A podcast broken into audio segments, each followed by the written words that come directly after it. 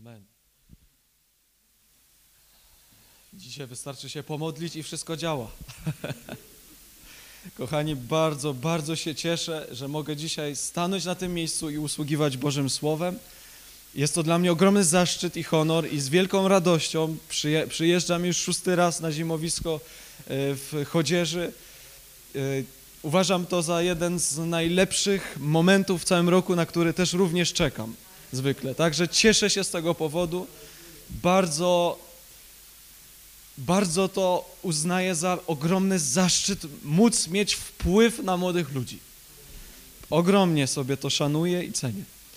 Kochani, e, chciałbym na samym początku po, e, przekazać pozdrowienia. Pastor, bracia starsi kazali mi pozdrowić zbór. Tym razem, co będę musiał wytłumaczyć, są to pozdrowienia z innego zboru, ponieważ e, w zeszłym roku e, przenieśliśmy się wraz z żoną do innej społeczności, do innego zboru.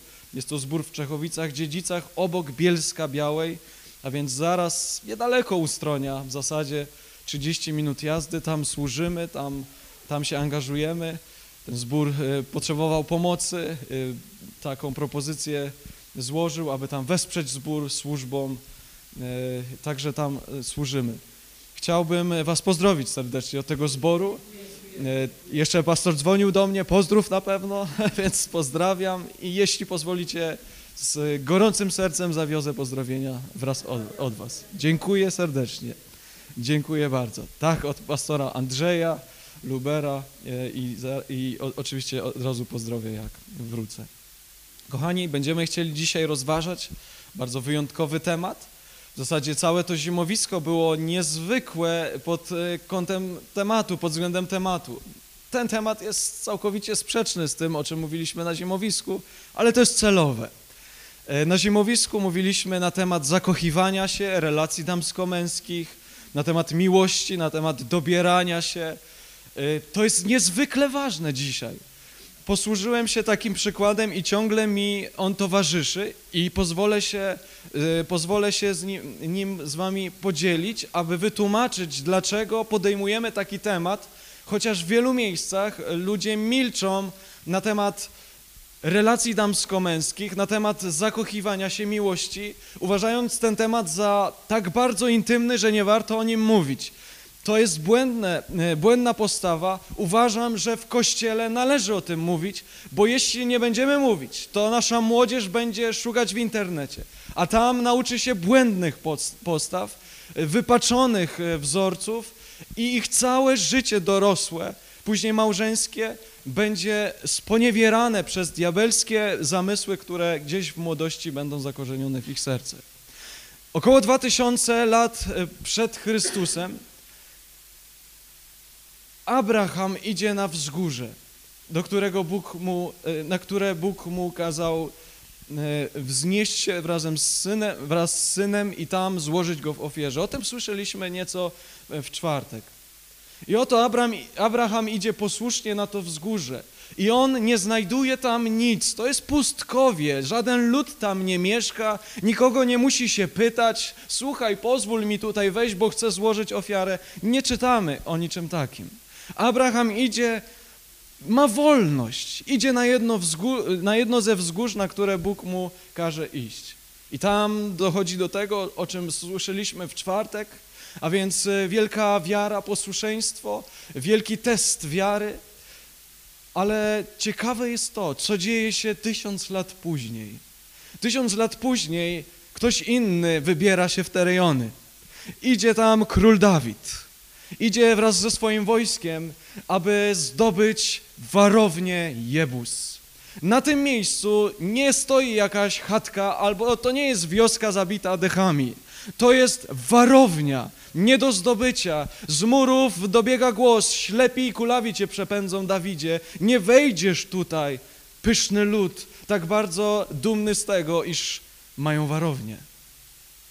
Zastanawiałem się, kiedy myślałem o tym, co się stało, że wystarczyło tysiąc lat i dokładnie w tym miejscu, dokładnie w tym miejscu, to są idealnie te same współrzędne geograficzne i na tym miejscu powstaje warownia nie do zdobycia. Pomyślałem sobie tak, kiedy dochodzi do wielkiej próby wiary Abrahama. Tam przynajmniej dwie pary oczu patrzą na poczynania tego męża Bożego. Jedne oczy są to Boże oczy, które kontrolują i, y, kontrolują i prowadzą Abrahama krok po kroku, ale drugie to są te przebiegłe, te, te złe oczy, które obserwują i analizują każdy krok, aby zastanowić się, co tu może się wydarzyć w przyszłości, co by mogło uwielbiać Boga, a tego te oczy nie chcą. Mówię o diable, o szatanie i o jego hordach i zastępach.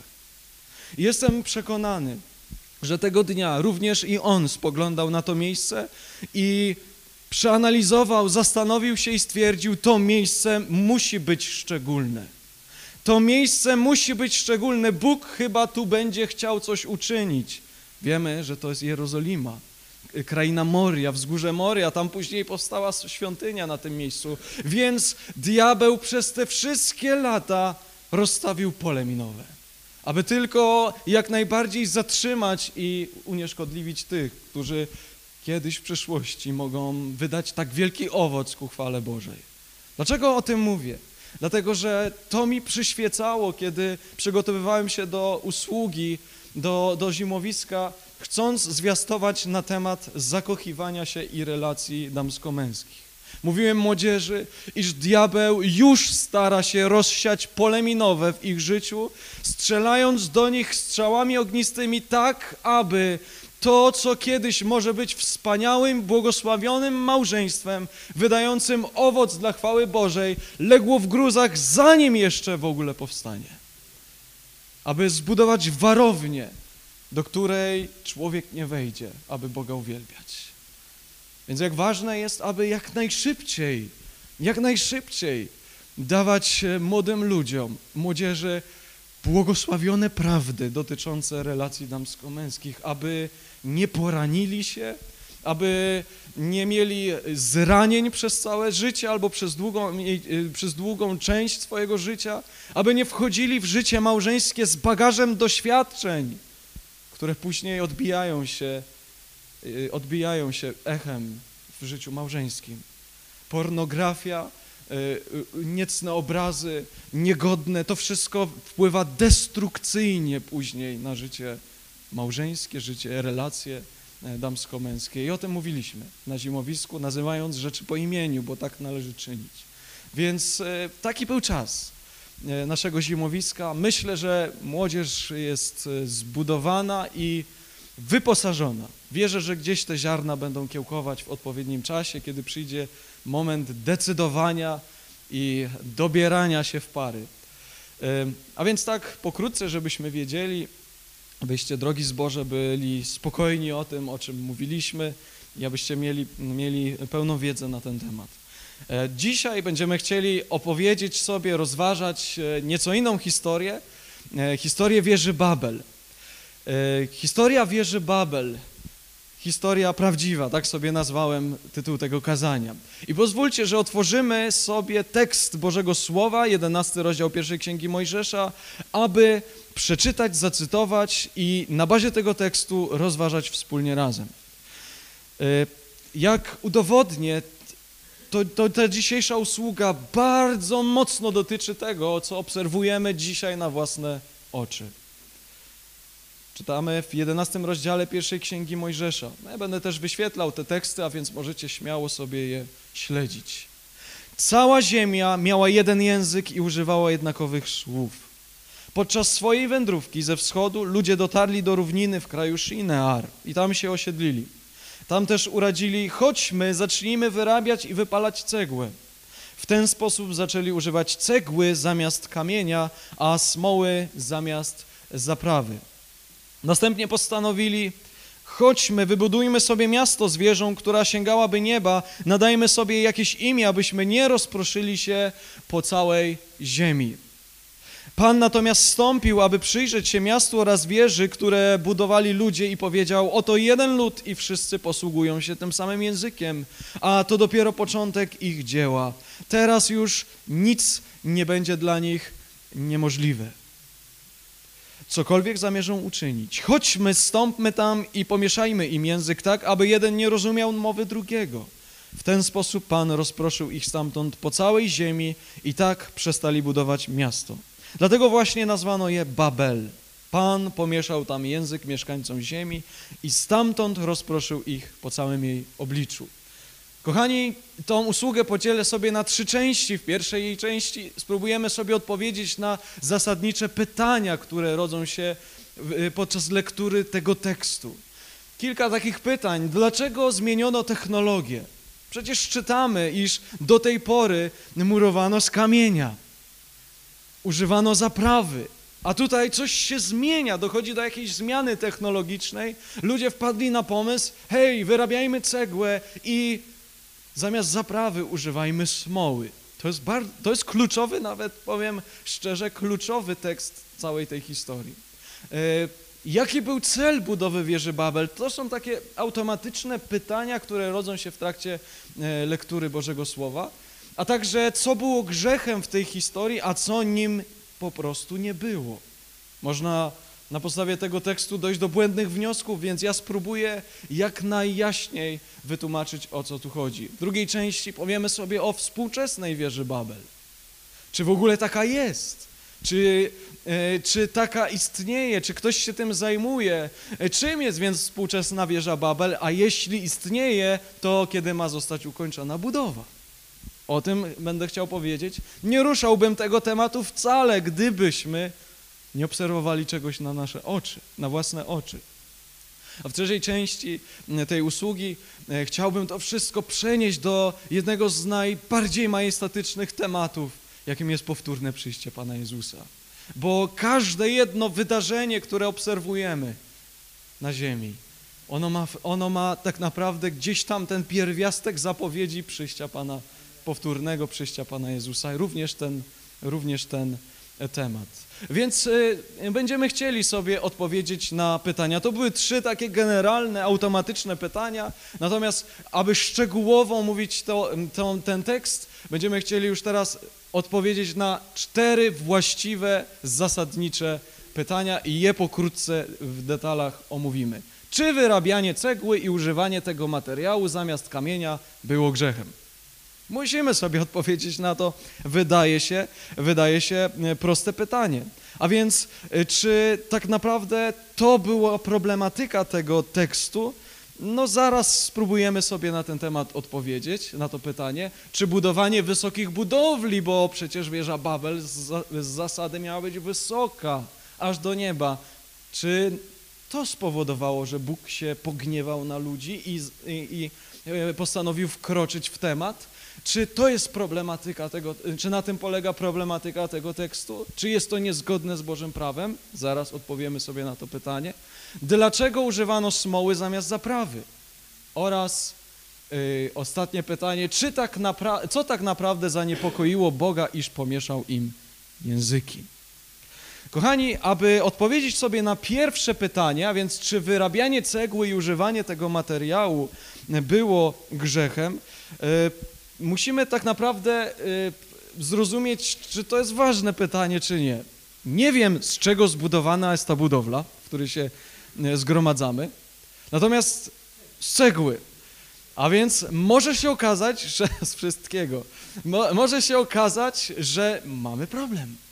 No, e, musimy zrozumieć to pytanie. Czy to był problem, którym, do, który zauważył Bóg, no bo większość budynków już nieco starszych budowanych było z cegieł.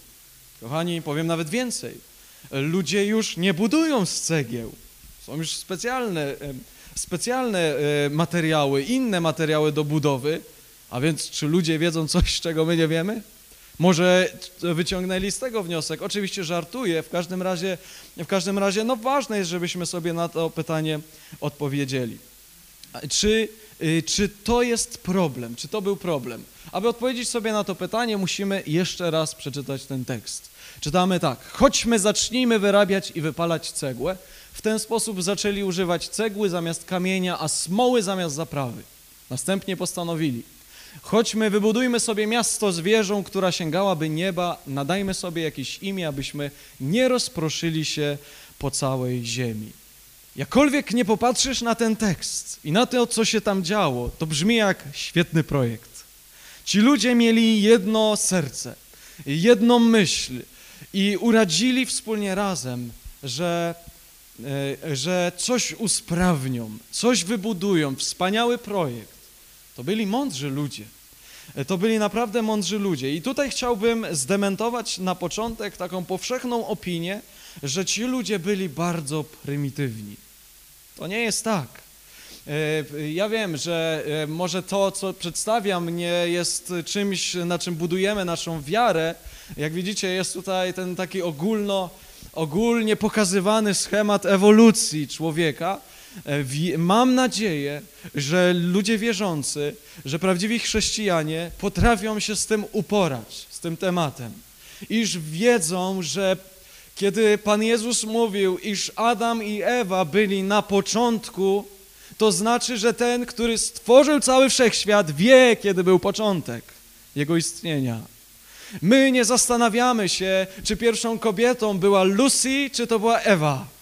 Nie zastanawiamy się nad tym. Dla nas jest oczywiste.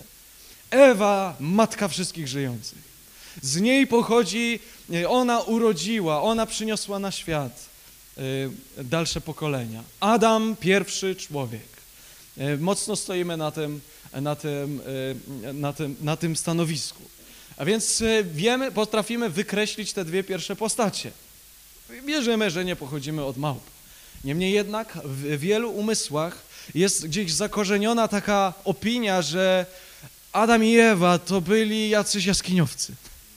Prymitywni bardzo. Muszę powiedzieć, że kiedy o tym myślę, wydaje mi się wręcz odwrotnie. Oni byli, oni byli doskonali, można powiedzieć, jeśli chodzi o, o, o, o, wszystko. Jako pierwowzór, to my jesteśmy kopią z kopii, z kopii, z kopii i z kopii i tak dalej, i tak dalej. A wiemy, że kopiując ciągle i ciągle dochodzi do utraty pewnych walorów i pewnych, pewnych e, silnych cech. Więc jesteśmy coraz słabsi. To widać po nas, jako cywilizacja i ludzkość. Tak, nie mieli takiego zaplecza technologicznego, jak my mamy, ale y, ich mądrość. Uważam, że ich mądrość i wiedza, zdobywanie wiedzy, obserwacja świata była na wyższym poziomie niż dzisiaj. Uwa uważam, że tak jest. To nie było tak, jak e, to przedstawia ten oto obrazek poniżej, że spotkało się dwóch jaskiniowców i zastanawiają się nad tym, co to jest cegła i jak jej użyć. To nie było tak. Oni mieli projekt, wiedzieli do, te, do czego to służy, potrafili, wiedzieli, co z tym zrobić i wiedzieli, że im to pomoże zbudować budowlę. Byli mądrymi ludźmi. E, Powiem nawet więcej. Ludzkość nie zaczynała wówczas od zera. Historia ta, którą dzisiaj omawiamy, ma miejsce około setnego roku po potopie. Czytamy o tym z Biblii, bo to było za dni Pelega, kiedy to e, ziemia się rozdzieliła. Nie chodzi o to, że fizycznie kontynenty się rozdzieliły z tak zwanego wielkiego jednego kontynentu nazwanego Pangeą. Nie. Ludność się podzieliła, to było za dni Pelega, a więc Pan pomieszał języki i ludność się musiała rozejść. A więc 100 lat po potopie Pamiętajmy, że wciąż żyją przynajmniej trzy osoby, e, przynajmniej trzy osoby ze Starego Świata, a bynajmniej, już nie pamiętam, czy e, e, jeśli chodzi o Noego, musiałbym sobie przypomnieć, ale trzy na pewno. Żyje Sem, Ham i Jafet. I żyją jeszcze długo później. Sem dożywa dni, kiedy Abraham zaczyna funkcjonować. Nie wiem, czy Abraham rozmawiał kiedyś z Semem. Kiedy zrobisz sobie taką, takie zestawienie lat, to Abraham mógł się spotkać z Semem. Hej Sem, jak to było, jak byłeś na arce? Jak to było, jak woda zalewała całą ziemię? Jak to było przed potopem? Opowiedz mi nieco o tym świecie przed. Być może, być może się spotkali, a może nie. To już jest kwestia tutaj, e, kwestia y, y, dyskusji.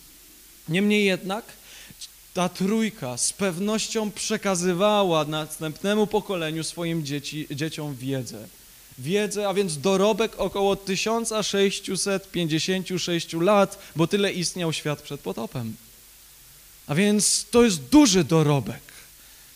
Duży dorobek różnego rodzaju e, wiedzy, narzędzi, sposobów, metod. Oni nie wchodzą do nowego, na nowo nie zaczynają jak dziecko, które się rodzi i nie wie, gdzie ono jest i po co jest. Oni wiedzą, potrafią budować, mają jakąś wiedzę. E, ale gdybyśmy nawet przyjęli, że ta ludzkość rozpoczęła od zera, zupełnie od zera, e, to, e, to musielibyśmy założyć, że gdybyśmy założyli, że ludzkość zaczyna od zera, to mają i tak 100 lat na rozwój, na zdobywanie pewnej wiedzy. I dam tutaj pewien przykład, bo uważam, że 100 lat wystarczy, aby cywilizacja się drastycznie rozwinęła do przodu. Kiedy w 1903 roku bracia Wright e, wylatują w powietrze na, na świerkowej konstrukcji, która ledwo, ledwo trzymała się kupy, przelecieli kilkadziesiąt sekund e, nad, e, w, w przestrzeni powietrznej. Minęło 66 lat od tego wydarzenia. Człowiek ląduje na Księżycu. 66 lat. Kochani, gdyby jakieś dziecko miało 10 lat w momencie, kiedy pierwsza karykatura samolotu unosi się w powietrze, to i tak, kiedy ludzkość lądowała na Księżycu, to był 80-latek. Za, w czasie jednego życia doszło do takiego wielkiego rozwoju. A więc nie trzeba nawet 100 lat, aby ludzkość drastycznie się zmieniła. Pamiętajmy, że najstarszy człowiek w tej historii, oprócz tej trójki, mógł mieć około 98 lat, a średnia wieku w tamtych czasach wynosiła 450, więc on nawet nie przeżywał jeszcze kryzysu średniego wieku. Mając 98 lat, nie wiedział, co to kryzys wieku średniego. Był jeszcze młodzieniaszkiem, około 20-letnim na nasze, w naszej proporcji. Więc y, ja jestem już starszy od niego. Y, kochani, a więc oni byli w sile wieku. Siła mądrości, y, siła wieku. A więc jak nie, jakby nie popatrzeć na to, co, na co oni wpadli, jest to swego rodzaju postęp technologiczny. E, zamiast kamienia cegła. E, powiem tak, aby, bo musimy się zastanowić tutaj nad postępem technologicznym, czy to jest zgodne z Bożą wolą, abyśmy jeździli coraz to lepszymi autami, korzystali z coraz to większego dorobku technologicznego. Są takie e, nie wiem jak nazwać, czy denominacje, czy odłamy, czy sekty. Są takie ugrupowania, które zatrzymały się w określonym czasie i nie pozwalają sobie na skorzystanie z telefonu, z, elektro, z elektroniki i tak dalej. Oni dalej jeżdżą dorożkami, bo tak postanowili. Uważają, że e, dorobek technologiczny jest czymś złym. Ale zastanówmy się, czy tak w istocie jest, czy kiedy bierzemy telefon, komputer, korzystamy z, choćby z rzutnika, aby coś wyświetlić, czy to się Bogu nie podoba? Czy postęp technologiczny się Bogu nie podoba? E, no, musimy sobie na to odpowiedzieć, bo e, jeżeli popatrzeć tak szczerze na całą tą historię, to aby napełnić ziemię zgodnie z Bożym nakazem, niezbędny był postęp technologiczny. Niezbędne było skonstruowanie statku, po którym później apostoł Paweł, dzięki któremu zdobywa praktycznie znany, cały znany ówczesny świat Ewangelią. Niezbędne, były, niezbędne było koło, niezbędne były inne różne technologiczne wynalazki, które usprawniały życie ludzi i pomagały coraz to bardziej rozprzestrzeniać Boże Słowo. Niezbędnym jest internet, aby Ewangelia dotarła po wszystkie krańce ziemi, aż w końcu nadejdzie koniec. Bez technologii satelitarnej nie udałoby się to nigdy ludzkości. Nie doszła, nie dotarłaby do tych zakrytych, do tych miejsc, do tych trudno dostępnych, gdyby nie to. Więc e, z całą powagą mówiąc, iż jest tam wiele złego i bramy piekielne otwierają się w momencie, kiedy człowiek nierozważnie korzysta z internetu. Ale z drugiej strony, jeśli go dobrze człowiek używa, to może posłużyć naprawdę ku dobrym rzeczom, błogosławionym. Ale jest to niezwykłe wyzwanie dzisiaj, ogromne wyzwanie. Y, a więc, y, a więc dorobek te, te, technologia, a więc rozwój technologiczny wydaje mi się nie być sprzecznym z Bożym Słowem, y, a powiem tak, że przez lata Kościół, chrześcijaństwo miało z tym tematem problem. Około 200 lat nie potrafiliśmy nawiązać dialogu, jeśli chodzi o teorię ewolucji. Było 200 lat milczenia w Kościele. Ludzie nie wiedzieli, co z tym zrobić. Było zawahanie. I w tym, w tym temacie wielu doszło do przekonania, że w istocie może jest teoria ewolucji, a Bóg nią, nad nią miał jakąś kontrolę i tak ludzie się wahają, nie wiedzą, czy to 7 dni, czy to 7 miliardów i tak dalej, i tak dalej. Kiedyś Kościół rzymskokatolicki zabraniał patrzeć się w niebo, zabraniał, y, zabraniał brania teleskopu i obserwacji nieba, bali się, że odkrycia mogą podważyć wiarę. A dzisiaj jest zupełnie odwrotnie. Dzisiaj to oni pierwsi y, przyjęli teorię ewolucji. Y, papież Franciszek powiedział tak, teorie ewolucji wielkiego wybuchu są zgodne z prawdą, a Bóg nie jest czarodziejem z magiczną różdżką. To tak powiedział papież. Więc pytam się, czy Pan Jezus kłamał, kiedy mówił, że na początku był Adam i Ewa? Pan Jezus kłamał, kiedy mówił, iż na początku tak nie było, mówiąc o Adamie i Ewie? Skąd pomysł, iż do stworzenia całego wszechświata, wszystkich gwiazd potrzebny jest czarodziej z różdżką? Skąd taki pomysł, że to jest jedyna metoda na stworzenie całego świata? Wydaje mi się raczej odwrotnie, iż do stworzenia całego wszechświata wystarczy Słowo Boga. Jestem o tym przekonany. Nawet więcej. Wszechświat z łaciny to uniwersum.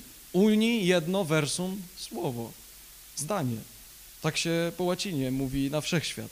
Więc kiedy patrzysz na wszechświat, na gwiazdy, na ten bezkres, na, na planety, możesz sobie wspomnieć, o, to jest jedno słowo, jedno zdanie, tak, które wyszło z ust Boga i stało się w jednej chwili. E, kochani, e, e, mówiąc o postępie technologicznym i nauce, muszę powiedzieć, że podać pewien taki śmieszny przykład, dosyć, dosyć śmiesz, śmieszny, ale dla mnie on coś, coś wnosi, coś mi pokazuje. Nie wiem, czy znacie tą historię, gdzieś tam wielu kaznodziejów używa tego przykładu. Nie wiem, czy to jest historia wymyślona na potrzeby kazania, ale pewien, kazno, pewien jakiś taki agitator przyjechał do pewnej wioski i zaczyna, zebrał całą wioskę, wioskę i zaczyna udowadniać na podstawie dorobku naukowego, iż e, Biblia nie jest zgodna z nauką, jest, e, jest e, błędna i niewiarygodna. I mówi, mam pewien przykład. Wyobraźcie sobie, choćby, przypomnijcie sobie choćby historię Jonasza i wieloryba. Udowodniono naukowo, że nie ma takiego wieloryba, który by był zdolny połknąć e, człowieka, bo przełyk wieloryba jest za wąski i tak dalej, i tak dalej. I udowadniał, udowadniał. I wtedy wstał jakiś starzec i powiedział, słuchaj człowieku, gdyby w Biblii było napisane, że to Jonasz połknął wieloryba i tak bym w to wierzył. To jest śmieszne, e, oczywiście komiczne, ale wydaje mi się, wydaje mi się, że nie do końca powinniśmy tak reagować. E, ponieważ e, w momencie zagrożenia wiary naszej, w momencie argumentów, które wydają nam się zagrożeniem, w których nie czujemy się do końca pewni, my uciekamy do takich naszych miejsc ucieczki Spychamy ten cały ciężar obowiązku naszego, aby potrafić, jak mówi apostoł Paweł, zawsze, czy Piotr, czy Jan, już nie pamiętam, aby zawsze dać odpowiedź i udowodnić naszą wiarę. I spychamy ten ciężar jakby do takiego miejsca ucieczki wiary. A, no bo tak jest napisane i koniec, kropka. Wydaje mi się, że Kościół, wielu ludzi musi e, jakby troszkę odrobić lekcję, y, y, troszkę polubić naukę. Y, Biblia jest naukowo zgodna. Co jakiś czas nauka, archeologia w swoim takim desperackim dążeniu, aby unieważnić czy aby potwierdzić niezgodność Biblii, dochodzą do odwrotnego skutku. Kiedyś Uważano, że cała historia Niniwy była jednym wielkim wymysłem biblijnym, aż w końcu pewnego dnia jeden z archeologów odkopał Niniwę. Odkopał Niniwę, odkopano artefakty, gdzie były imiona królów i tak dalej, wszystko zgodne z Biblią. Ileż takich odkryć jeszcze czeka, aby potwierdzić Boże Słowo. Kochani, a więc, e, a więc mamy e, postęp naukowy i tutaj, i tutaj po- postęp technologiczny i musimy być zgodni w tym momencie, że Bóg nie stoi na przekór postępowi technologii czy technicznemu, w ogóle rozwojowi. E, Wydaje mi się, że Pan Bóg raczej pomaga, błogosławi medycynę, błogosławi naukowców i pozwala ludziom, e, ludziom, ludziom poszerzać swoją wiedzę i usprawniać życie na ziemi. Mam pewien przykład. Iluż to noblistów jest pochodzenia e, żydowskiego. Nie można tego inaczej wytłumaczyć, jak to Boże powszechne błogosławieństwo nad ludem wybranym. Jak wielkie dorobki medycyny pochodzą z tamtego, z tamtego obszaru. A więc y, y, postęp technologiczny jest zgodny, więc chyba z cegłami nie jest aż tak źle, można budować. Y, To nie chodziło o to w całej tej historii. Czy budowanie wysokich budowli jest grzechem, więc zapytajmy się, e, zapytajmy się dzisiaj i spróbujmy sobie odpowiedzieć, czy to budowanie wysokiej wieży aż pod niebo było całą problematyką? E, No, e, gdybyśmy w tą stronę poszli, to świątynia w Jerozolimie mogłaby mieć problem. Bo w czasach, kiedy zbudowana została świątynia jerozolimska, e, e, to od, licząc od murów oporowych aż po szczyt, to był budynek około 20 kondygnacji. Tak wysoki. Więc gdybyśmy e, postawili tutaj absolutną tezę, że budowanie wysokich budowli jest złe, no to świątynia by miała problem. Kochani, e, e, do dzisiaj budowane są wysokie wieże i nikt im nie przeszkadza w budowaniu. Budowane są i służą ludziom. Tutaj wyświetlone po prawej stronie to jest tak, zwany, tak zwana wieża dubajska, Burj Khalifa albo Burj Dubai, mierzy około 828 metrów. 828 metrów nad poziomem morza. Niezwykle wysoki budynek. Już za niedługo otwarty ma być wieżowiec Jeddah, ponad 1 kilometra wysokości w Arabii Saudyjskiej. Niezwykła budowla. Ludzie się prześcigają i budują coraz wyżej. Biblia nig- nigdzie nie daje nam zakazu budowania wieży, wręcz przeciwnie. Czytamy w Ewangelii Łukasza, jeśli ktoś z was chce wybudować wieżę właśnie, to Pan Jezus mówi, nie wolno, nie mówi, nie wolno ci tego robić, ale mówi, zabierz się do roboty z mądrością. Rozważ, przelicz koszty, e, zastanów się, aby to, co zaczynasz, dokończyć. Wiecie dlaczego? Bo to jest cecha Pana Boga. Co On rozpoczyna, to kończy. On nie rzuca roboty w połowie, jak wielu ludzi. Dla Niego obcy jest słomiany zapał. U Niego wszystko pali się, a jest to złoto. Złoto w Jego przypadku, e, ponieważ On jest ogniem trawiącym, nie jest, e, nie jest, Jego e, dzieła nie są ze słomy, one nie niszczeją. To jest niezwykła pociecha i obietnica dla nas, co rozpoczął Pan Bóg w nas. Ma moc dokończyć i dokończy. Doprowadzi nas, aż spotkamy się z żywym Bogiem. Będzie pełnił tę pracę, aż spotkamy się z Nim. Na zimowisku, jednym z, na jednym z wykładów posłużyłem się e, fragmentem z e, przypowieści Salomona, e, albo kaznodziei Salomona, już nie pamiętam dokładnie, gdzie jest napisane pokochaj mądrość, a będzie cię strzec na każdym kroku. Kiedy czytałem, przygotowywałem się do, do tego tematu i czytałem o, o tej historii, o tym, co Pan Jezus tu powiedział, pomyślałem sobie, że jest to wezwanie, które mogłoby brzmieć w ten sposób. Jeśli chcesz coś zrobić, to albo to zrobisz dobrze,